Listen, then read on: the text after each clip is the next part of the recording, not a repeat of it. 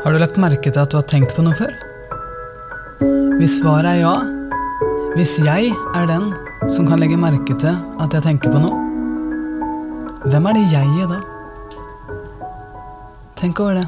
Hvis du er den som kan legge merke til at du tenker på noe, hvem er det duet inni deg?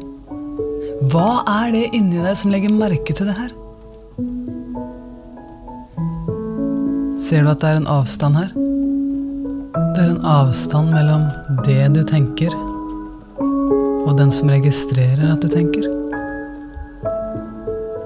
Og den forståelsen der, den kan gi deg et helt nytt perspektiv på dine livserfaringer. For i det øyeblikket du skaper en bitte liten avstand mellom tankene dine og den som legger merke til at du tenker, så kan du bli kjent med deg selv på en helt ny måte. Så mange mennesker går rundt og virkelig tviler på sitt eget potensial. Virkelig bruker masse tid på å tvile på sitt eget potensial. Fordi de tror på at det de tenker, er sant.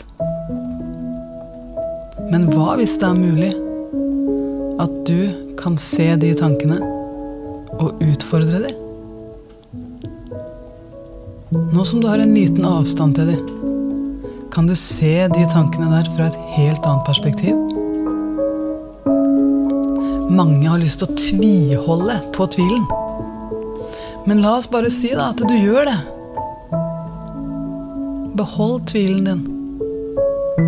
Går det an at tvilen får lov å være med deg, men at du endrer perspektivet? Hva hvis det er mulig å rett og slett sette tvilen i førersetet? La tvilen styre. Og med et lite perspektivskift så kan du gå fra å tvile på potensialet ditt til å tvile på at de tankene du har om deg selv, er sanne. Så hva hvis du kan legge merke til at du tenker og tvile på at det er sant? Hva hvis du kan tvile på tvilen?